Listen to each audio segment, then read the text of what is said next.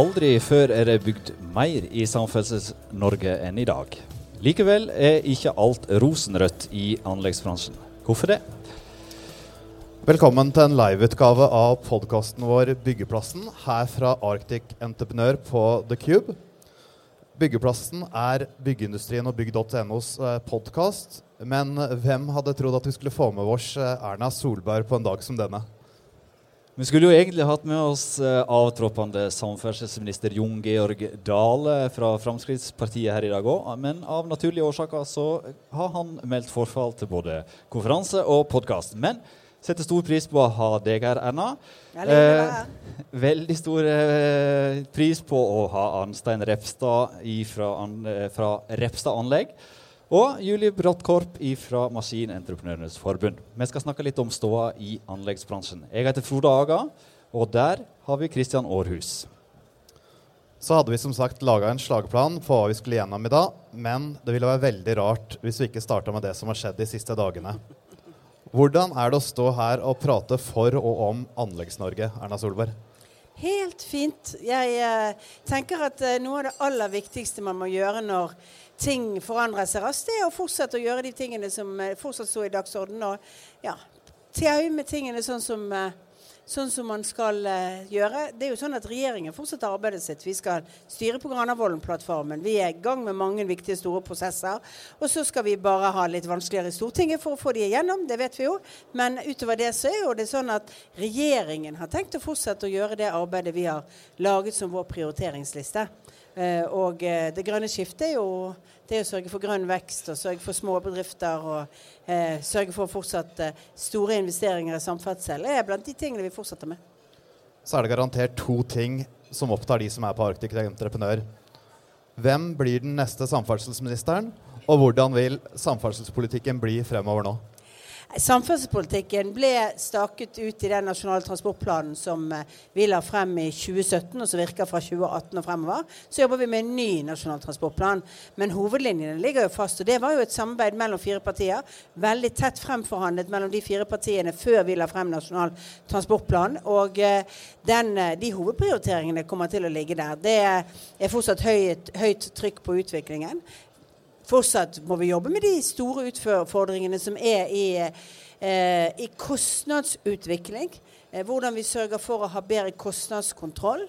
Eh, det er litt for mange av prosjektene som fortsatt eh, beveger seg fra KS1-prosessen og hva vi anslår at kommer til å være kostnadene ved et samferdselsprosjekt, til hva vi når vi skal implementere de har. Og Da må vi jobbe med er fortsatt å ha tydeligere kostnadskontroll. Vi ser at Nye Veier har klart å gjøre det. Vi ser også at, vi, vi, eh, at Vegvesenet med litt større eh, fleksibilitet får det til. Vi ser at OPS-prosjektene leverer på bedre på tid og på, på, kostnad.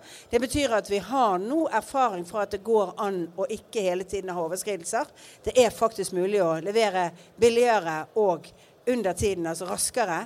Det, alt dette skal vi fortsette med og forsøke å få implementert enda sterkere. Uh, og Når det gjelder hvem som blir samferdselsministeren, så får dere som alle andre vite det når vi går ut av, uh, ut av uh, kongen på statsrådet på, på Slottet på det tidspunktet vi er klare til å annonsere. Kan du si noe om når det tidspunktet blir? Nei, det kan jeg heller ikke si. For det er, av, det er jo sluttprodukt av en prosess hvor vi skal gjøre mye annet. Vi lurer på eh, Det har skjedd utrolig mye eh, innenfor vår sektor med denne regjeringen her. Eh, store reformer. Jernbane har sett mm. reformer. På vei så har vi fått et nytt veiselskap som heter Nye Veier. Hvor viktig har Frp vært for den utviklingen vi har sett nå de siste åra? Hadde vi hatt Nye Veier uten Frp?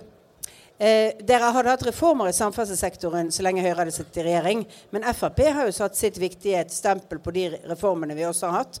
Viktig å huske at Nye Veier var verken en Frp-idé eller en Høyre-idé. Vi kom med to ulike ideer til bordet når vi satte oss ned og skulle diskutere eh, på Sundvolden. Og så kom Nye Veier ut av den diskusjonen som var mellom våre to partier på det tidspunktet.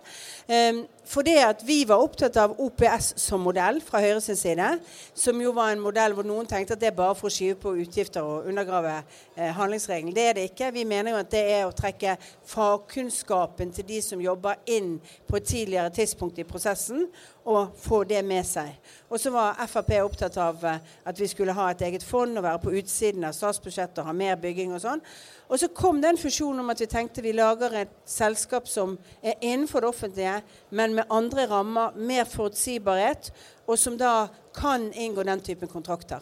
Så, vi, så det er et felles barn mellom eh, to partier som satt i regjering på det tidspunktet, i en god diskusjon om Uh, ulike ting vi brakte til bordet. Så, og Det er noe av det jeg syns er fint faktisk med reelle regjeringsforhandlinger. Det er litt sånn at vi kan komme med våre ulike ideer, så er vi ikke helt enige om det. Men ut av den diskusjonen så skaper vi noe nytt. Sånn at det blir et reelt politisk verksted. Mye av det vi jobber med inkluderingsdugnaden i arbeidslivet, også det når vi diskuterte hva skal til for å få til eh, en annet fokus nå på å ansette folk uten, uten den eh, ja, med, med, hull i CV-en eller som har funksjonshemminger inn i arbeidslivet. Og så kom liksom på, på Jeløya da inkluderingsdugnaden som en idé for å jobbe intensivt og satset på det, og at staten skulle påta seg større forpliktelser. Vi må vite litt om hvordan virkelighetsbildet er i 2020 eh, i anleggsbransjen. Vi sa her innledningsvis at kanskje ikke alt er så rosenrødt. Uh, Arnstein Repstad, du er representant for denne bransjen her. Uh, hvordan er bildet i 2020? Bildet er jo veldig forskjellig rundt om i hele landet. Noen steder så er det meget høy aktivitet, andre steder er det labert.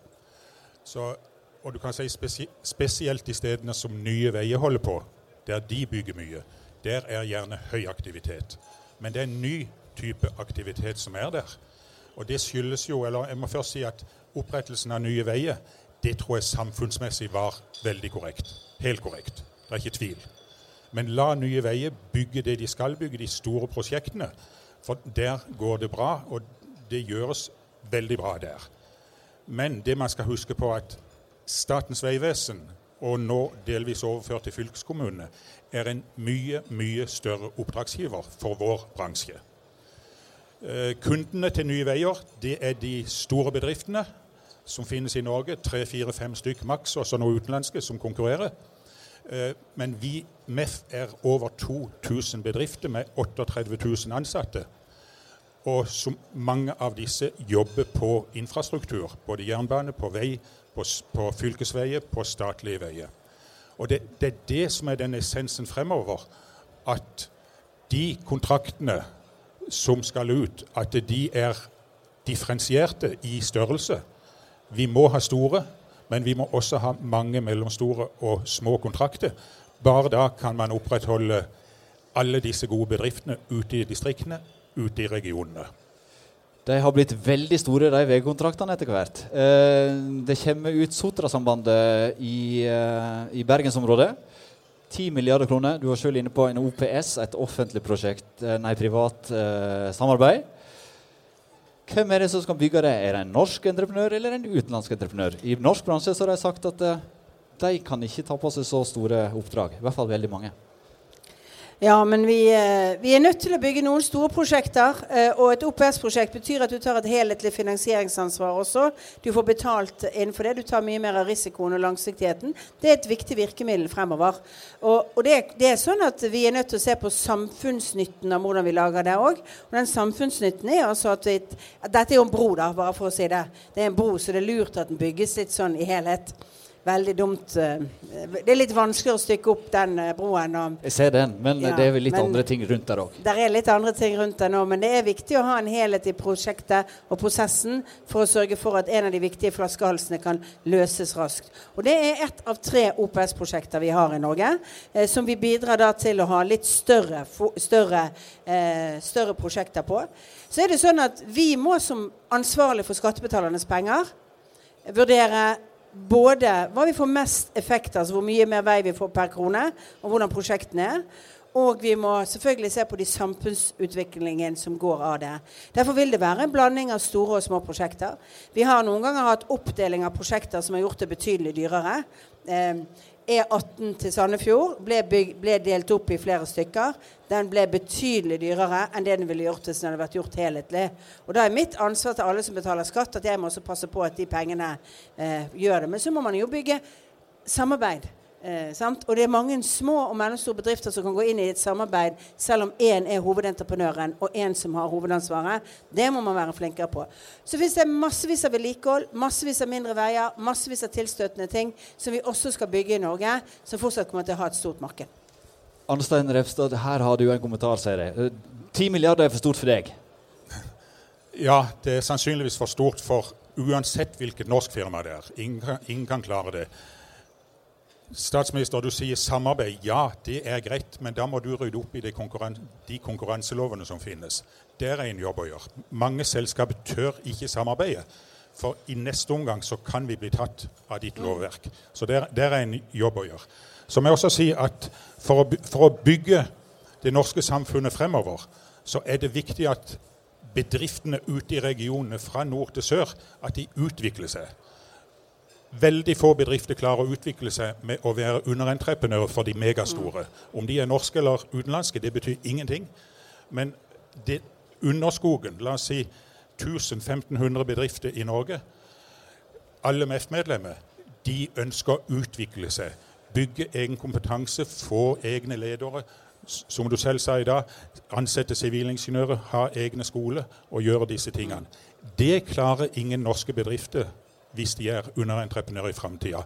Derfor vi, må du instruere den nye samferdselsministeren du får, at vi må ha det differensierte kontraktsmarkedet. Det er særdeles viktig for samfunnet fremover. Julie Bråttkorp, du er leder i MEF. Kjenner du deg igjen i det Arnstein forteller her? Ja, jeg kjenner meg igjen i det både statsministeren og Arnstein eh, forteller. Eh, MEF mener jo også at eh, vi ønsker ikke nye veier bort. Vi ser at det må være en del store kontrakter. Det man da må sørge for, er at det er gode kontrakter for de av våre medlemmer som da er underentreprenører der.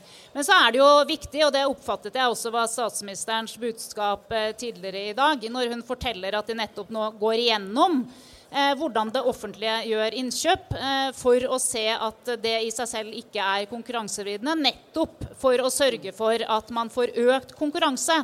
For med økt konkurranse får man lavere priser. Og har man kontrakter hvor det er to entreprenører som kan legge inn pris, så får man ikke den konkurransen som eh, statsministeren skisserte opp tidligere i dag. Vi tar en liten pause for å få et par ord fra våre samarbeidspartnere. Byggedagene en svært viktig møteplass for sentrale aktører i hele byggenæringen. Datoene du må notere for 2020 onsdag 25. og torsdag 26. mars. Sted Plaza hotell i Oslo sentrum. Og da er vi tilbake på byggeplassen. Og så kjenner du Erna bedre enn de fleste. Du har jobba med henne på statsministerens kontor. Hvor ofte ringer du opp for å prate anlegg? Nei, jeg ringer ikke statsministeren eh, for å prate jobb. Eh, det gjør jeg ikke. Jeg tar akkurat samme vei som alle andre som eh, går i postjournal via departementene. Erna, eh, god skole hos Nina Frisak, tidligere regjeringsråd der. Anna, Erna, på, på, på, veggen min uh, i Steinsberggata, på kontoret der, så henger det et bilde av en artikkel som har skrevet om kinesiske entreprenører i byggenæringen. Eh, I Shanghai i 2015 så var du på en mottakelse. Der håndhilste du på, sammen med daværende næringsminister Monica Mæland så håndhilste du på en gigantisk kinesisk entreprenør. Og En liten stund etterpå så var den kinesiske entreprenøren på en rundreise med Statens vegvesen i Norge. Har det vært viktig i det arbeidet med en handelsavtale med Kina å være åpen for kinesiske entreprenører i Norge? Eh, ikke spesielt viktig, nei. Men det som er viktig, er jo at inngår du en handelsavtale med et annet land, så må du forberede på at de også vil ha noe igjen for det. Ikke bare at vi vil ha noe igjen for det. Det betyr jo at de vil også kunne komme inn på markeder og levere varer og tjenester, selge varer til vårt marked, på samme måte som vi ønsker å gjøre det i Kina. De vil ha beskyttelse for sine investeringer på samme måte som vi vil ha beskyttelse for våre investeringer. Sånn er det jo. Og det er jo det Norge har levd av. Altså Dette er et land som er blitt rik på å være med i den globale internasjonale handelen. Men så er det sånn at eh, eh, kineserne også må følge alle lover og regler som er i Norge. De må følge alle arbeidsmiljølovregler, alle avlønningsregler, alle de spørsmålene som vi gjør, og som vi er opptatt av å ha ryddige arbeidsforhold. Og da er det ikke sikkert at deres modeller på en måte til å passe helt inn i våre anbuds, anbudsrunder. Det må man jo se etter hvert. Og det som jo har vært særsynt de siste årene i Norge, det er jo at vi har jo aldri før hatt en så stor tyngde av anleggene som er gjort av norske selskaper. Altså, den frykten for utenlandske selskaper er det ingenting i bygge Selv om vi altså har økt samferdselsbudsjettene med 80% så har jo andelen, eh, andelen som er levert av norske selskaper, vært rekordhøy. Og ett stort unntak er Follobanen. Sant? Jernbanen. Og der må vi bare innrømme at vi har ingen store jernbaneentreprenører i Norge. Det er ikke alle steder Norge har en kompetanse som gjelder som, som, eh, som eh, Fordi vi rett og slett bygger for lite av dette. Og Follobanen har jo ikke gått helt på skinner. Nei, Follobanen er, et, eh, for å si det rett ut, et lite mareritt. Eh, det, det, har det vært fra det startet til, eh, til eh, det, det, Og det er første gangen vi bygger en sånt stort jernbaneprosjekt siden jeg tror 60-tallet. Vi har nesten ikke bygget, og det er åpenbart at vi ikke har hatt god nok kompetanse på de utfordringene jernbanebygging har. Men hvis ikke det er norske da for byggeren, hvordan skal vi få den kompetansen da? Men nå snakker jeg på kompetansen på styring av prosjekter, på anbudene på prosjekter. Altså Det er veldig mye kompetanse i den, det leddet som heter i offentlig sektor for å sørge for å få det. Men det er fortsatt sånn at uh, vi, uh, vi har vi, kan, uh, vi, altså vi, har rett og slett ikke hatt teknologien i Norge til å f.eks. levere på den type maskiner som nå har, uh, har gravd i, i, det. Jeg er ikke sikker på om det er en investering som norske eiere og norske bedrifter kommer til å gjøre. i det hele tatt. For så, Selv om vi skal bygge mye intercity, så er ikke det sikkert at det kommer til å være regningssvarende hvis det primært er et norsk marked. Jeg har et spørsmål som går på det med OPS og kinesiske entreprenører. Er det en utfordring å la en utenlandske entreprenører si utenfor EØS-området har ansvaret for drift og vedlikehold av en norsk eh, vei i 25 år. Hvordan ser bildet ut om 25 år? Jeg mener vi må ha samme forutsetningen at utenlandske entreprenører leverer etter samme kontrakt som et norsk entreprenør gjør som har det. Så har vi en sikkerhetslov som sier noe om sikkerheten knyttet til det. Men det er mye vi kan si om Sotra-sambandet. Eh, jeg kjenner det jo godt. Det kommer ikke til å bli en GSI. Altså Den kommer ikke til å bli et skjermet objekt etter eh, sikkerhetsloven. Så det er jo ikke der vi er. Er dere i MEF bekymra for uh, eventuelle kinesiske entreprenører, og om de vil ta med seg norske UER inn i prosjektene? Altså det, det, vi faktisk har fått tilbakemelding på Jeg husker jeg hadde et oppslag hvor jeg var eh, negativ. Eh, jeg tror oppslaget var 'Vil ikke ha kinesere til Trøndelag'. Og da fikk jeg faktisk kjeft av de underentreprenørene som hadde erfaring med å jobbe for kinesiske entreprenører. Så min erfaring er at det viktige er at vi har kontrakter i alle størrelser. Eh, og det trengs, for det er så mye som bygges. Eh, og så eh, opplever våre medlemmer, for det har vi gjort undersøkelser på, at de trives like godt med å jobbe for de få utenlandske som har vært her, som de norske. Men så er jo vi i bunn og grunn opptatt av at norske entreprenører eid av nordmenn, bosatt i Norge, er de Norge reelt sett lever av. Det er norske bedrifter. Refstad anlegg har vært i noen konflikter. Jeg vet det opptar deg, eh, Anstein. Eh, konflikter i norsk anleggsbransje det er ikke noe ukjent? Nei, um, det er litt for kjent i bransjen. Og det, det, er jo et, det er nesten et samfunnsproblem når, når, en hel bransje, ikke en hel bransje, men mange jobber ender i rettsapparatet i forhold til Statens vegvesen eller fylkene. da.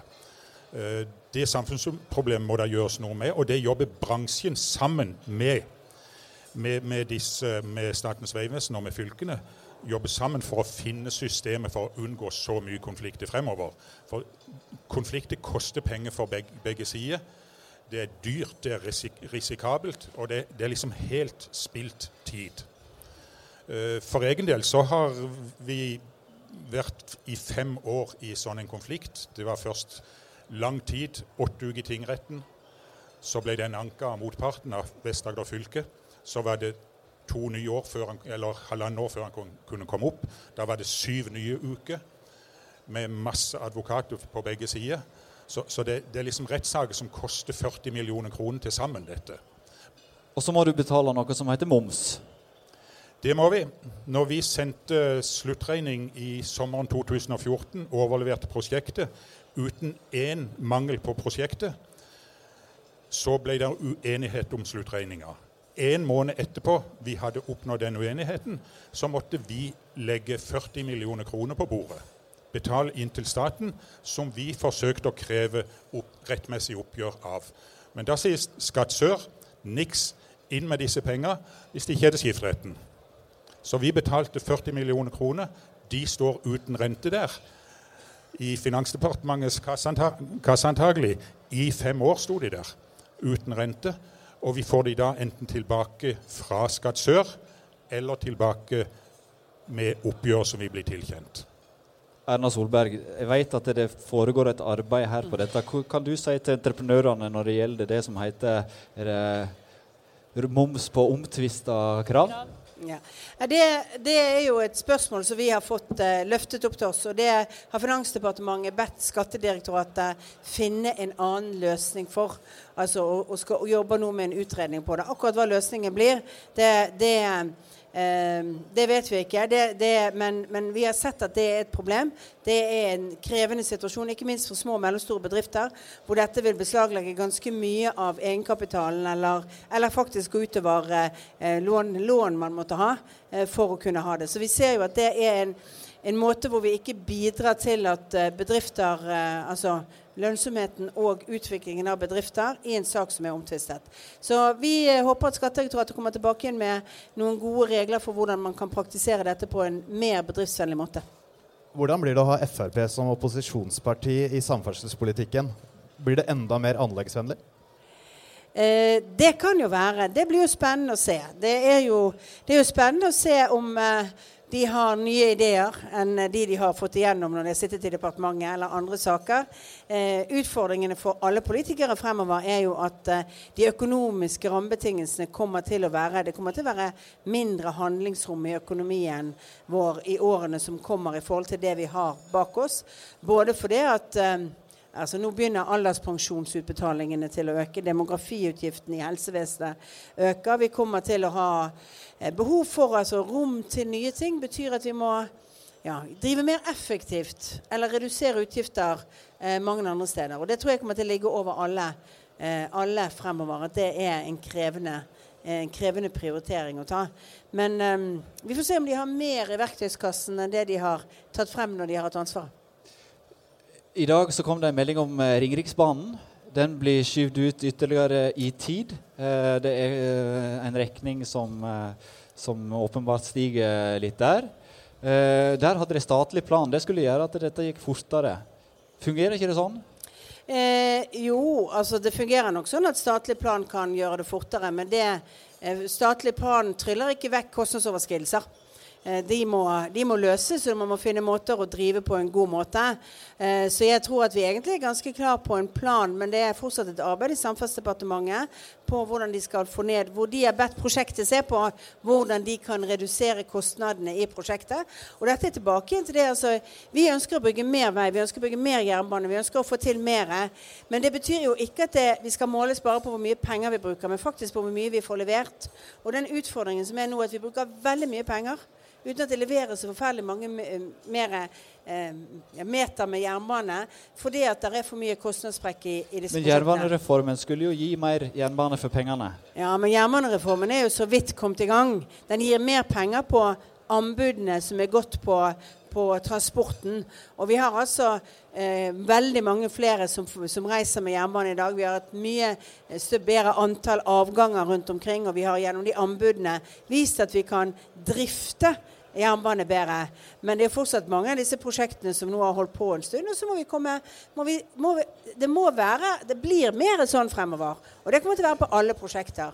At denne her evigvarende økningen fra du begynner med at du har et prosjekt som skal koste ja, la oss si 10 milliarder kroner, da, for det er mange prosjekter som koster 10 milliarder kroner i, i Norge i dag. Og så når det har gått igjennom kvernen, så er det plutselig et 20 milliarders kroners prosjekt. Det går ikke. Jeg har f.eks. mye Altså E39, krysningen av Bjørnefjorden, var et stort valgkampløfte fra meg. Det er en vei som er viktig for meg som hordalandsrepresentant. Men når den hadde en gigantisk kostnadsøkning, så sa jeg at sorry, jeg kan ikke stille meg bak at vi skal bygge dette. Gå tilbake igjen. Og nå har de spart 5 milliarder kroner på den prosjektet i den nyprosjekteringen de gjør av det. Og sånn kommer det til å bli fremover. Og det er rett og slett fordi at vi da skal ha råd til mange andre ting òg. Det er ikke sånn at uh, og der, det tenker jeg at dette presset på at alt blir feil hvis noe tar litt lengre tid. Aller viktigste er at vi passer på at vi får bygget jernbane, vi bygget vei til en best mulig pris og best mulig kvalitet. Og Da kan det være at et år lengre tid på noe ikke er det som er viktigst, hvis det betyr at vi faktisk kan bygge en vei ekstra for de pengene vi har spart. Det er jo ikke tvil om at det har skjedd utrolig mye på vei og jernbane de siste åra. Men allikevel så er det mange av entreprenørene som sliter med å tjene penger. Hvorfor er ikke det en fest i anleggsbransjen når det er byggeboom overalt? Det er et veldig godt spørsmål. Eh, og det er et veldig godt spørsmål egentlig å avslutte podkasten deres med. For det skal vi ha et eget seminar om etterpå, hvor vi har fått eh, folk som har analysert eh, bedriftene, marginene, bransjen. For det er et spørsmål som få har veldig gode svar på nå. Vi hører av statsministeren at eh, bevilgningene til samferdsel aldri har vært større. Samtidig er ikke marginene i bransjen eh, økt eh, for bedriftene, og da må det være noe gærent et sted. Er det noe du kan gjøre med det? Jeg kommer til å være opptatt av god konkurranse. Så er god konkurranse basert på to ting. Eh, det er basert på at man selvfølgelig har konkurransen og anbudene og prisen man får, men det er selvfølgelig også på kostnadene man har. Og da må man ta en runde på kostnadsstrukturen. Vi skulle gjerne gravd enda mer, men jeg antar at du har en kabal som skal hjem og legges. Tusen takk til statsministeren. Tusen takk til Julie Bråttkorp, Arnstein Repstad. Takk til de som hørte på. Vi er snart tilbake med en om en kanskje ikke like aktuell episode av Byggeplassen.